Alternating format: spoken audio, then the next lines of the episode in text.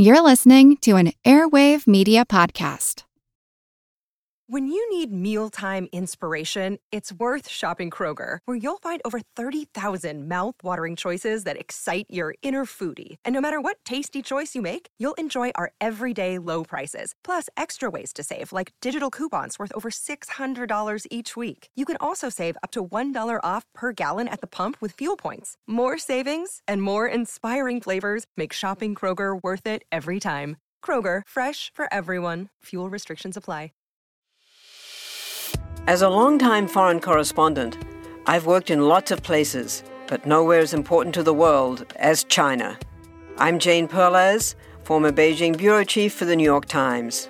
Join me on my new podcast, Face Off US versus China, where I'll take you behind the scenes in the tumultuous US China relationship. Find Face Off wherever you get your podcasts. This is Kick Ass News. I'm Ben Mathis. Hi, folks. A few quick announcements. We finally managed to acquire the domain kickassnews.com, so that's going to be the location of the new website.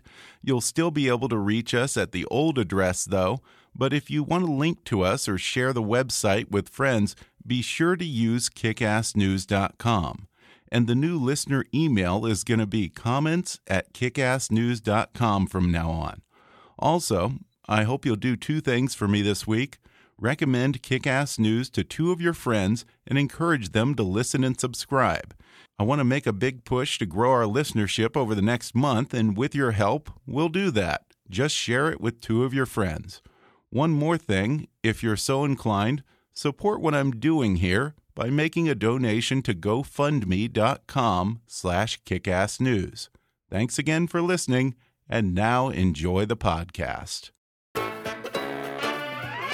Hi, I'm Ben Mathis, and welcome to Kick-Ass News. A couple of weeks ago, I did a two-parter on the future of artificial intelligence, and in part one, I talked with a fascinating man named Kevin Kelly. Today, I want to delve deeper beyond AI with Kevin and talk about his new book that's causing a lot of conversation called The Inevitable Understanding the 12 Technological Forces That Will Shape Our Future. Kevin Kelly holds the title of Senior Maverick at Wired Magazine. He co founded Wired in 1993 and served as executive editor for its first seven years. Prior to starting Wired, Kelly was publisher and editor of the Whole Earth Review, a journal of unorthodox technical news. He co founded the ongoing Hackers Conference and was involved with the launch of The Well, a pioneering online service started in 1985. He's written for the New York Times, Science Magazine, The Economist, Time, and the Wall Street Journal, among many other publications. His previous books have included bestsellers Out of Control, New Rules for the New Economy, Cool Tools, and What Technology Wants. On today's episode, Kevin Kelly lays out an optimistic view of the next 30 years and how technology will transform our lives probably without us even noticing it. He says right now is the best time in history to invent something, and he has a simple formula for the next 10,000 startups. We talk about big trends like the shift from an ownership society to an access society, and how that means we may need to redefine the term socialism for the modern age. He'll talk about his initial skepticism of Wikipedia and his surprise when consumers began to take on the role of content creators and editors, and why it's time for us to rethink our intellectual property laws to keep up with this more collaborative dynamic. We talk about how virtual reality will open our eyes to whole other worlds and how we need to get over this Orwellian fear of data tracking. Plus, Kevin talks about his love hate relationship with those pesky, nagging software updates. Coming up with Wired Magazine's Kevin Kelly in just a moment.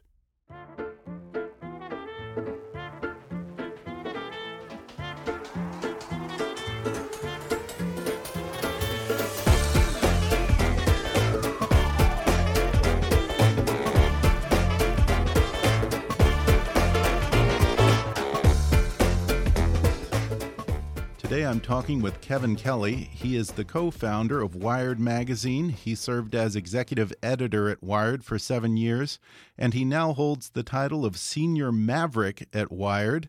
He has a new book called The Inevitable Understanding the 12 Technological Forces That Will Shape Our Future. Kevin Kelly, thanks for coming on the show. Oh, it's my privilege and pleasure. Thank you for having me you know, I've read so many dystopian books about the future in the past year that I suppose that I was a little wary of the title. But as it turns out, you have a fairly optimistic view of the future, don't you? I have a very optimistic view of the future. And my optimism is rooted in history. Um, because for at least the last 200 years, even longer, we've had a very steady, incremental increase in things getting better. And um, but it's small. It's it's almost invisible. Each year for instance this year is a little tiny bit better than last year but that little tiny betterment is kind of you know not seen very well because it's just you know a fraction of a percent. But a fraction of a percent compounded annually over centuries is what we get civilization and that's where we have progress. Um, so um, uh, it's possible that after 200 years of you know steady incremental betterment that uh, everything could collapse next year. But it's very very unlikely. Um, the probable statistical view is that it will continue at least for another 20 years or, or 30 years. So my, my, my deep optimism is rooted in deep history. And um, if you look at the evidence rather than the news it's very very clear that things are getting better and have been and nobody in their right mind is going to take a one way ticket into the past, particularly if you were uh, only going to be uh, assigned a birth randomly. Um, you would never go into the past. this incremental advance that you're talking about, I guess it's different than the days when we would go for long periods of sameness and then suddenly you know the television came about or you know the mass production of cars or telephones and then we made these radical leaps. With the incremental advances, is it possible that we may really be making huge advances but we just don't even notice it at the time we get so used to it? The things that I'm talking about in my book have all already um, started. So, so there's really, I'm not saying things are going to be coming that aren't here now. I'm saying there are things that are here now, but maybe slightly dimmed, um, that are going to become major um, forces in our lives, like, say, artificial intelligence. In the next 5 to 10 to 15, 20, 25 years, uh, these little trickles are going to become great tides lifting everything that they touch, and that means um, you know education, uh, business, sports, food, fashion, the military, the whole thing. Alan Kay says technology is anything that was invented after you were born, and my friend Danny Hillis says, "Oh, technology is anything that doesn't work yet." and as soon as it kind of works, you know, then we think of it as um, something that's important, yeah. but in, in, fact, VR is not new. It's been around. I, I, experienced it in 1989, and it was very, very good. I thought it was going to take over. I was wrong. Um, it was just way too expensive. Now that it's cheap, it's good enough to improve, and it'll seem miraculous, but you can trace its long life if you want, and you can see it now if you want. And I recommend that you see it now um, and before you have an opinion about it, I recommend that you you know spend a number of hours in it. And speaking of virtual reality, something that I found interesting in the book, you say that as information and access becomes ubiquitous, people will start to place a higher value on experiences like mm. travel, going to live concerts and restaurants. But then you also say immersive environments and virtual reality may become preferable to real experiences because they can be manipulated to accommodate the user. So, is there a progression that you see where we gravitate toward real time, real world experiences, and then gradually, as technology with VR evolves, we begin to retreat back to our cocoons? I, I, I don't think so. I, I see the general drift of technology as increasing choices and options. And if we examine our lives, it's really interesting. Um, I live here in Pacifica, California, or along the um, the beach, which is a surfers' beach. And when we moved here mm, 25 years ago, there might be a dozen people out surfing um, a day, and now there are like on a weekends hundreds of people, and it's all these uh, people who spend their time um, behind the computers, uh, and they. Um, I wouldn't say they're compensating, but but they are they, they, they balance the time they spend on the screen with more time and more active immersion in their bodies and in the environment than than before.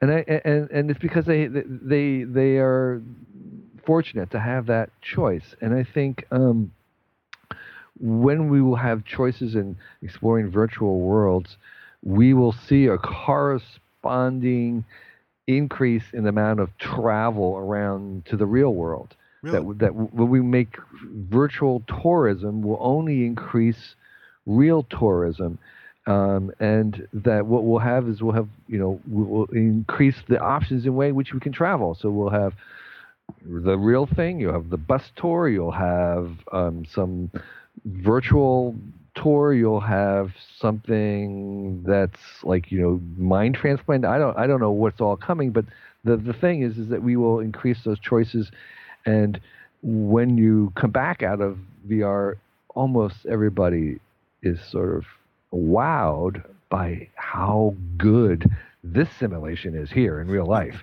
It's like, wow, they were they're doing a really great job. I can, you know, I can smell stuff. I can get little breezes. It's, it's microclimates, and so um, okay. I, I I think we're going to see more choices. Okay, so it's not the case where instead of wanting to go travel and to risk the, the the chance that you might have a bad time or might not live up to your expectations, you can sort of preview it through VR and get a I, sense for whether you would enjoy going to Hawaii or going to Africa on a safari. That is one option. That is certainly one option. Another option would be that you are going to go to worlds that you simply, or, or, first of all, places that you could not even go to if you wanted to, like right. at the edge of a volcano or underwater. And then thirdly, you might go to places that are just completely imaginary, fantasy worlds. And fourthly, you might, um, uh, you know, actually um, go to a, a, version of Hawaii that is, um, you know, let's say you were in a wheelchair and now you're going to be able to, to run around, mm-hmm. or yeah. There'll be an alternative Hawaii. All those things are choices that you'll have, and in the in the final choices, you may be in Hawaii wearing some glasses that are going to show you, say, a version of Hawaii from the old time, where you, you where you might see or I say you're in a Rome and you, are looking at these special oh, cool. VR mixed reality where you actually see the world as it was in yeah. the Roman time. Yeah. And so it's it's it's oh, like cool. the Pokemon version where where you have the overlay of the virtual and the real. Yeah. And so uh, my point is that you'll have all those choices and the old choices don't usually take away the new. Sometimes they the, the, they diminish the value of, of, of the old, but um, usually the old sticks around. People are still going to the opera. They'll go. To, right. They'll be going to the opera in hundred years from now. Not that many, but that option will be there, and there'll be more ways to see the opera than ever before. Um, there'll be you know video game concerts, and there'll be all kinds of new stuff as well that may be more at the center of the culture but mm-hmm. those who have a love for the opera will will still be able to to enjoy it. Yeah, and central to much of the book is, I guess, this idea that we're going to have to really change our mindset in the next 30 years. Uh, I can think of several people, in fact, probably one or two, even in my own family, who are not going to be crazy about the first chapter of the book because you say that you know, those of us who get tired of having to upgrade things constantly to keep up with technology are not going to be crazy about the future because upgrading our technology and everything is, I think you say it's going to be similar to hygiene. We we have to yeah. do it, but it does make our lives better. Yeah. So so I was one of those people who was the last on the block to upgrade. And I'm, I'm on a Mac and I've been on Apple for a long time, and so I would just like, you know, I would skip, um, you know, these these uh, OS upgrades, and um, I, I would just do it at the last minute. And then what I discovered was doing it really, really late Yeah. was really traumatic because at that point, I have to like, like nothing works. It's just like uh, it's just too big of a jump. It's like a log jam that you finally burst open, and then it just completely wipes everything out.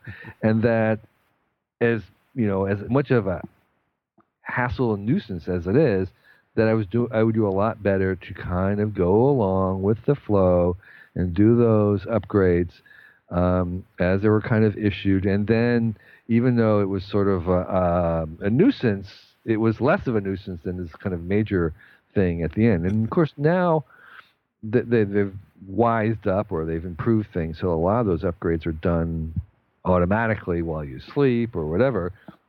They're a lot less painless.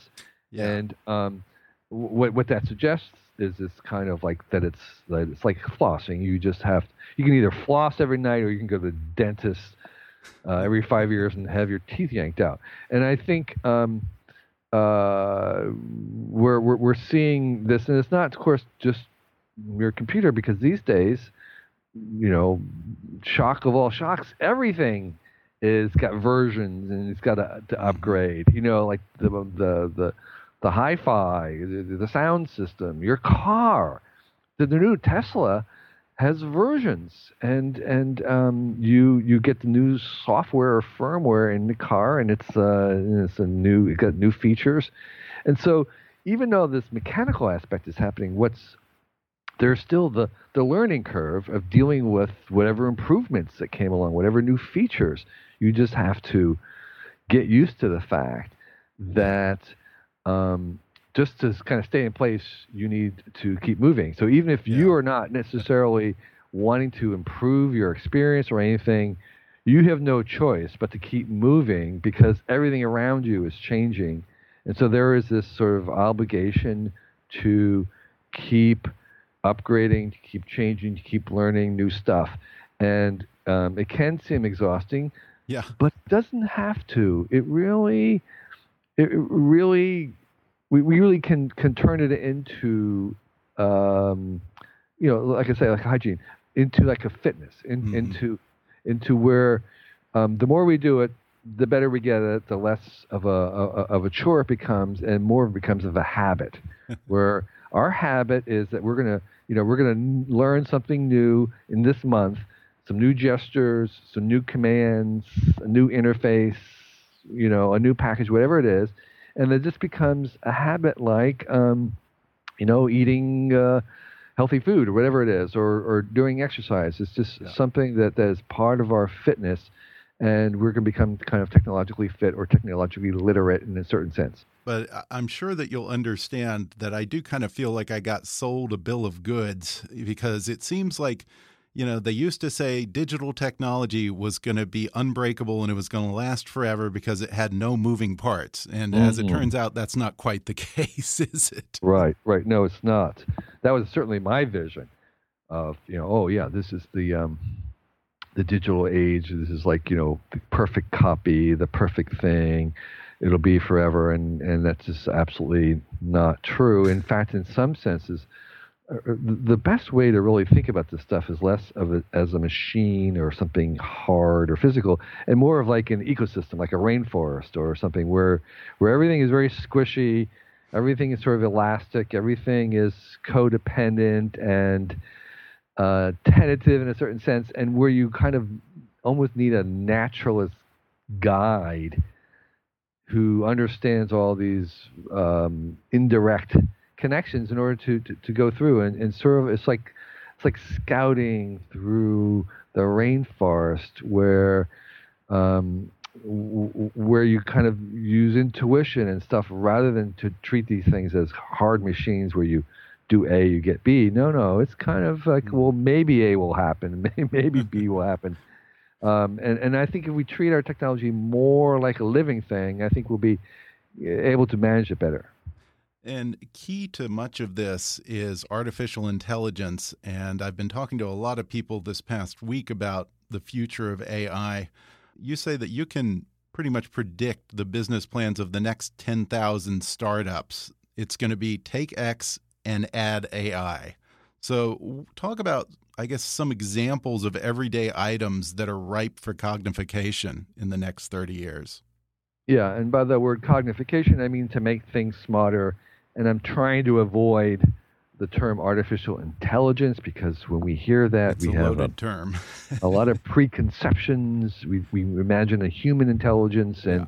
what I want to stress is that a lot of this artificial smartness is not human-like. That's one of the main reasons why we want it. it. Is because we want it in our car, driving our cars, because it's not going to be distracted like a human mind is. It's going to really focus on on driving much better than a human.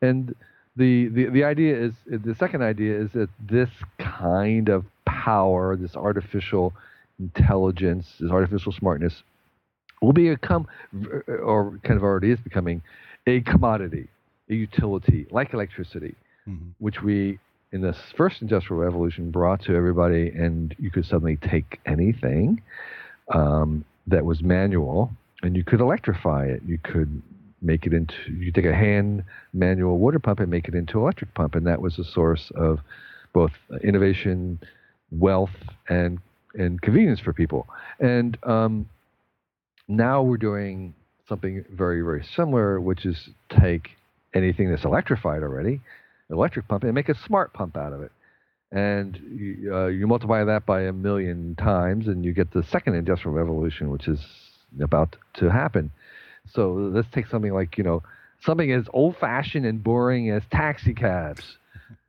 we'll add AI and you get Uber. Mm-hmm. Okay. And so um, now uh, just repeat that uh, again and again. Take, take something that doesn't seem obvious, you know, I know, toys, add some AI, and you get, you know, you get these uh, dolls that don't stop talking or whatever, and, and that, that, that that kids will fall in love with. I mean, they yeah. will love these like they love a dog or a pet, and yeah, they will be loved back. Interesting to me. Yeah, how you said that toys will be like pets.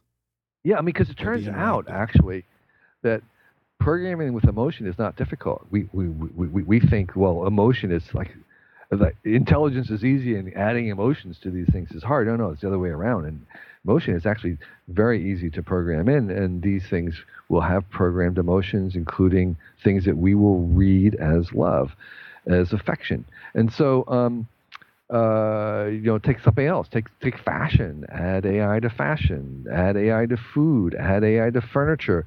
It's endless, and this is a moment when all the easy things are available. It's like being back at the beginning of the internet when you could get any domain name you wanted, or you could take anything and bring it online.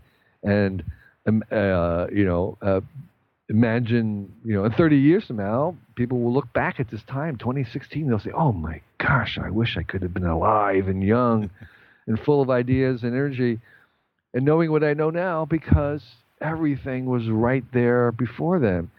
Um, this would have been the time 2016 to to start these things because yeah. we're at the ground level. And so that's where we are right now. We're at the ground level of this second industrial revolution. It's like being present at the moment when electricity and motors were first coming. And you could think, what could I have uh, imagine what I could have done there?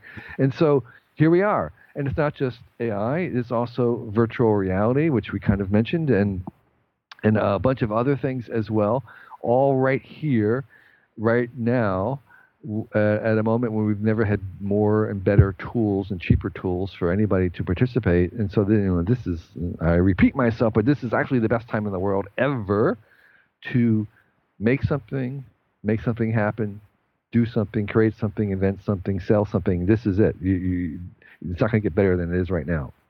We're going to take a quick break, and then I'll be back to talk more with Wired Magazine's Kevin Kelly when we come back in just a moment.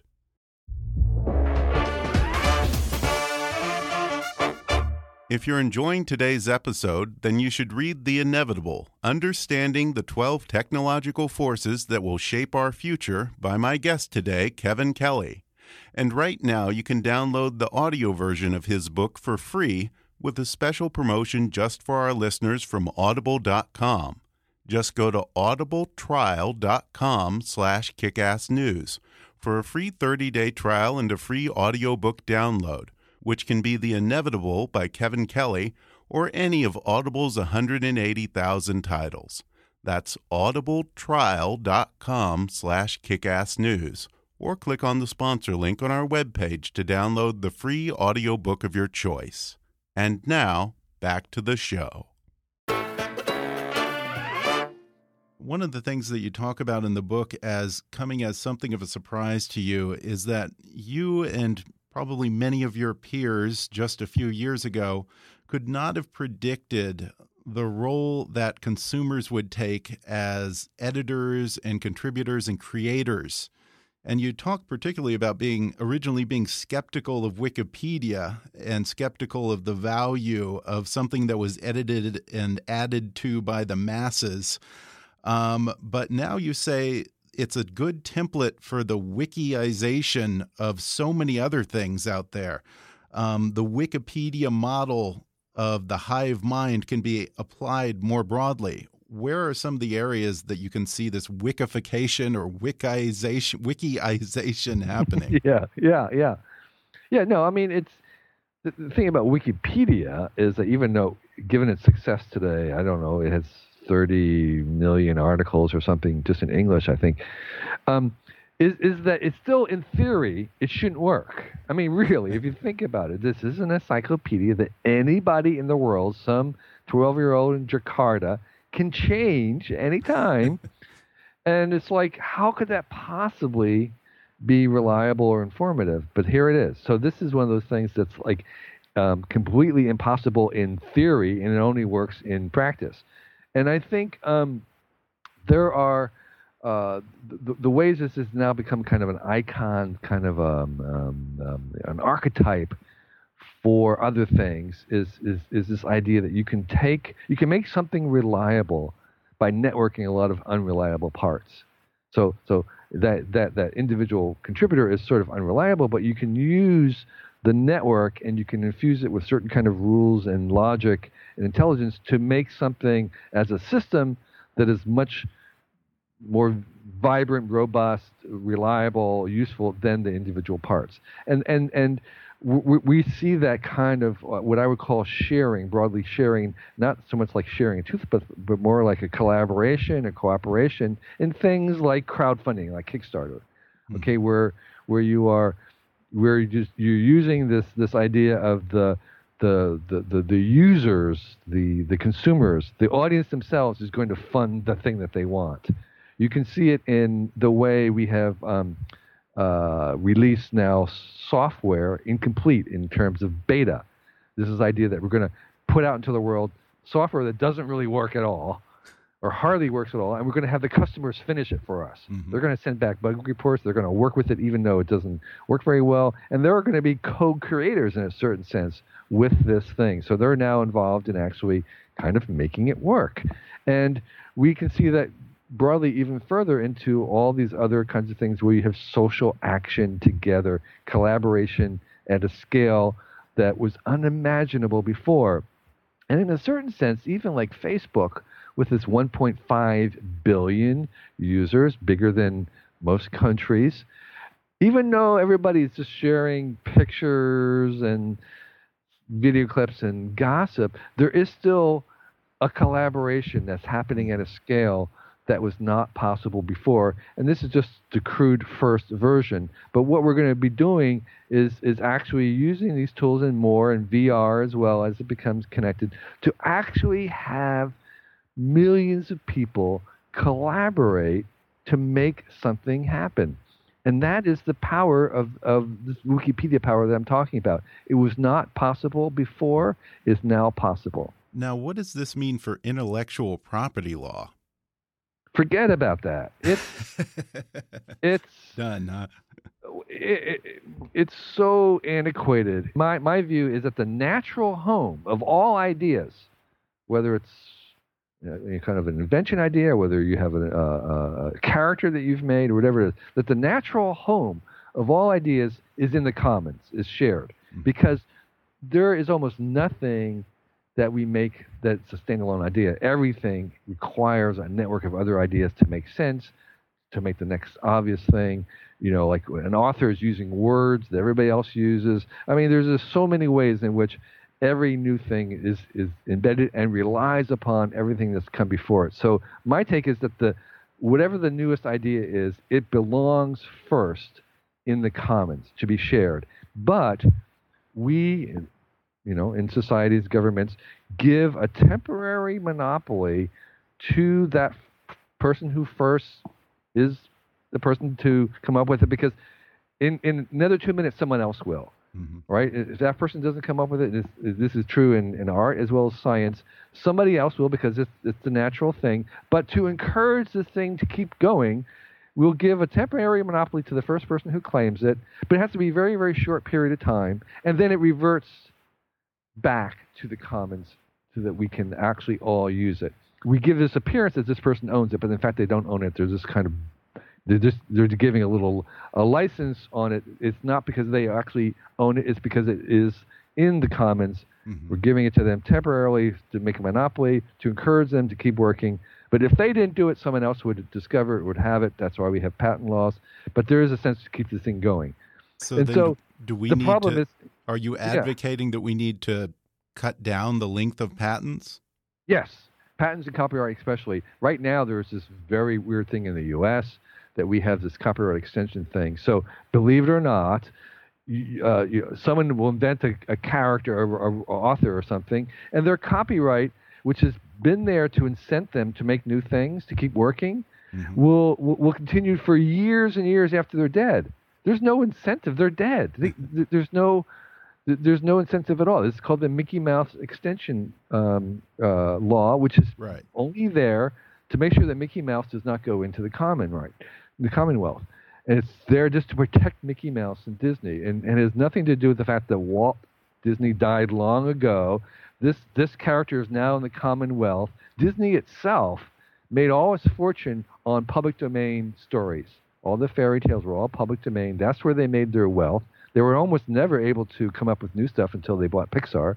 And so um, the irony is, is that they're protecting and re- refusing to let Mickey Mouse go into the commons like all the other fairy tales where everybody, anybody can, can play with it and add it and, and, and develop it. And so we have this really weird thing where all kinds of, of copyrighted material should go into the public domains by now and revert back to the commons. It isn't. And that's uh, a detriment to our commonwealth. And I think Yeah. patents are the same thing. They should be much shorter, much more limited. Um, and they're, you know, seven years, 10 years is, is, is fine um, to incent people. Um, but it's, it's way, way beyond. We, we, we, we, we're still running an industrial age there. And this kind of hints at another significant point you make in the book when you say that we are moving more toward a communal or socialist model. Now, those words have powerful and generally negative connotations in the 20th century, but in the 21st century, you say that I guess we need to redefine socialism and what that is. So, what are you talking about when you say socialism? Uh, it's not just that they have a lot of cultural baggage in the last century, but they have a particular cultural baggage in the U.S. They don't have as Mhm. much cultural baggage uh, other parts of the world. Problem for the language, for the term, is, is that we have this new, as I was describing before, this new platform of, sh- of collaboration, cooperation, sharing, and uh, we get a hint of that in the in the word social media. And so all the terms are, that, that are surrounding this social uh, social type media are kind of corrupted by past politics. So collectivism, communitarianism, communism, communism, whatever it is, there's none that are that are really free from that. So I say, well, let's just we'll just take the most obvious appropriate one and we'll just try to redefine it, which is socialism. Um, and it's not an ism in the sense of an ideology. It's an ism in the sense that it's it's it's a, it's, it's a general um, uh, leaning. So it's, it's, it's a general category, and that is um, we are more and more um, doing things at, at, at a societal level as a group in ways that we couldn't do before. And they are both, um, uh, we are interacting with more people than ever before. People, people think that we're somehow less connected or less uh, social, that, that these devices make us um, uh, you know, hermits and recluses, but it's the, the, complete opposite. We actually have more interaction with more people, and we even have more interactions with our own family um, uh, than than than people say uh, uh 50 years ago did. And um, this new interaction and the new dimensions in which we interact um, will have political eventually we'll have political fallout in the sense that um, we now have the tools to um, govern ourselves, to make new things that are oftentimes neither a commercial product nor a nonprofit product. Um, so we are engineering many, many new ways to cooperate, to to to, to govern, to um, engage with each other in in a societal way. And um, I'm saying, well, the best word to, to, to, to call this is digital socialism. Mm-hmm. Um, and it has nothing to do with the socialism that we normally associate as with the kind of a state yeah. overseeing it. This is a peer to peer version. Yeah. And we hear that so many people seem to be resisting this trend toward tracking. You talk at length about it. Um, but you seem to feel rather strongly, in fact, that the benefits of having everything connected and sending out data about us far outweighs the potential for some kind of nightmarish big brother controlling our lives scenario. What can you say to allay the fears of those people who want to be off the grid? Yeah, well, let's start with the fact that just in the U.S. alone, um, there are probably at least two dozen ways in which every American is being routinely tracked. Right. Um, from the fact, the little known fact, that every piece of mail you put into the post office is being the, the front and back of the envelope is being scanned. You know, I mean, they're just they're they're scanning where you where you're sending it to and where you're sending it from, and the fact that in your car uh, if, you, if you have any kind of a, within the last 20 years, there's a little tiny chip in it that's recording your driving habits, uh, when you brake, how fast you go, where you turn. Um, and that's increasingly being sought after for insurance purposes, but it's being recorded no matter what. Um, and not, not even to mention the fact that there's, you know, sensors in the road that's um, tracking your car as it goes across um, the highways and stuff and license plate recording and it goes on and on and on. There's all kinds of ways in which we are now being tracked. And then that's not even to mention the fact that we have self tracking, something I started, the quantified self, where you wear a Fitbit like I'm doing right now, mm-hmm. and other devices that, that are tracking for you, your health or your productivity. And then there's the fact that our friends are tracking us when they take a picture of us at a party and they tag it on Facebook, which has a location. And there's there's no end. So so what I'm saying is is that just like uh, copying can't be stopped on the internet. The internet's a copy machine, and anything that can possibly be copied is going to be copied and copied and copied. And you need to kind of work with that rather than against that. Um, the same thing with tracking. That, that, that tracking is going to increase and increase over time, and particularly in the next 30 years, and more and more lives will be tracked.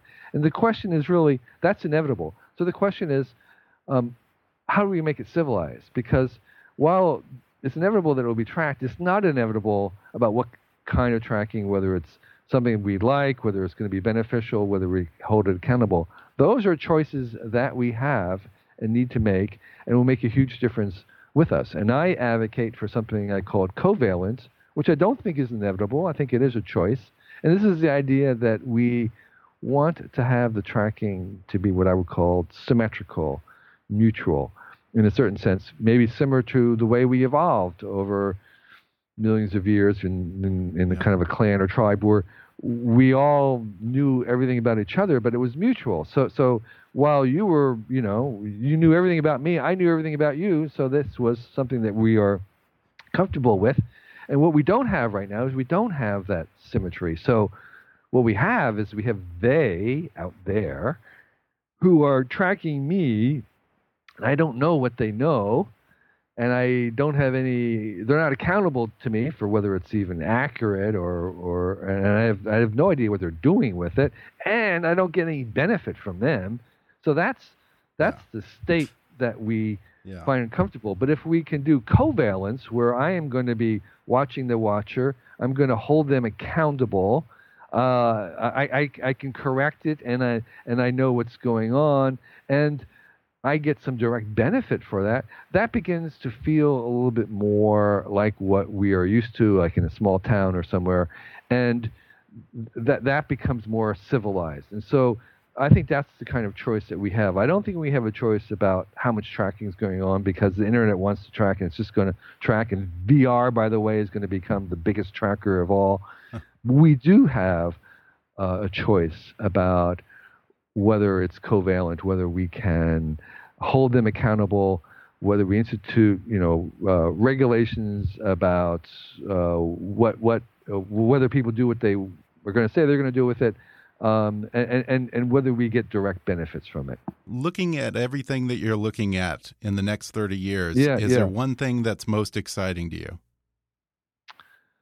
So, one of the things that I'm, I'm genuinely excited by um, is is the fact that the this technology and the old technologies in you know that, that already exist are continuing to bring billions of people out of poverty, um, and that more and more people, as they move into cities, have more and more choices, and that it's more and more likely that we will continue to, to with these new tele, uh, technologies, make things that will enable more people to share their genius and their mm-hmm. human potential. So, so, so I like to think about the fact that um, if you imagined Beethoven being born thousands of years before anyone had invented a piano or a symphony, huh. what genius would have been lost? How, how, how our civilization and he would would have would have um, lost so much. And of course, you can just repeat that with, uh, you know, Hitchcock being born before there was the the the, the technology of cinema yeah. and the loss that would be. So that means that today, somewhere in the world, there's a young girl who's been born, a genius, a Shakespeare of our time, who is lacking the right technology for her genius. And therefore, we have a kind of a, a an obligation to keep inventing new things, um, kind of, uh, so that in the hope that everybody born will will would have the right tools to share their genius. So I look forward in the next 30 years to more of those things being invented and more creativity than we've ever seen before and more people sharing more unbelievably great stuff um, and us having access to it and it almost being free and all that abundance. That's what I'm looking forward to. I really enjoyed the book. I found it both a relief and exciting, and I highly recommend it to anyone. Again, it's called The Inevitable Understanding the 12 Technological Forces That Will Shape Our Future. Kevin Kelly, thanks for talking to me. Hey, it was a real pleasure. Thanks for asking great questions. Thanks again to Kevin Kelly for coming on the podcast. If you enjoyed today's show, then you can order Kevin Kelly's book, The Inevitable Understanding the 12 Technological Forces That Will Shape Our Future, on Amazon. I'll include links in the show notes and on our website, and you can also download the audio version of his book for free through that special trial offer just for our listeners at audibletrial.com slash kickassnews. You can keep up with Kevin Kelly on his website at kk.org and follow him on Twitter at, at Kevin number two Kelly. Again, that's at Kevin, the number two, and then Kelly. Be sure to subscribe to Kickass News on iTunes and leave us a review while you're there. You can visit Kickass News on Facebook or follow us on Twitter at, at KAPolitics and please be sure to recommend Kickass News to your friends on your social media. And if you really want to help out, then donate to our GoFundMe campaign at gofundme.com slash kickassnews. As always, I welcome your comments, questions, and suggestions at comments at kickassnews.com.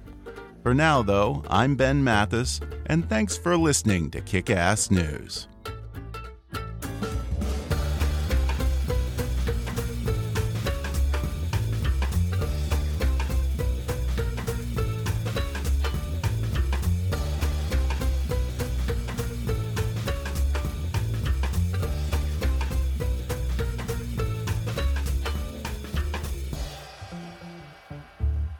Kickass News is a trademark of Mathis Entertainment, Inc.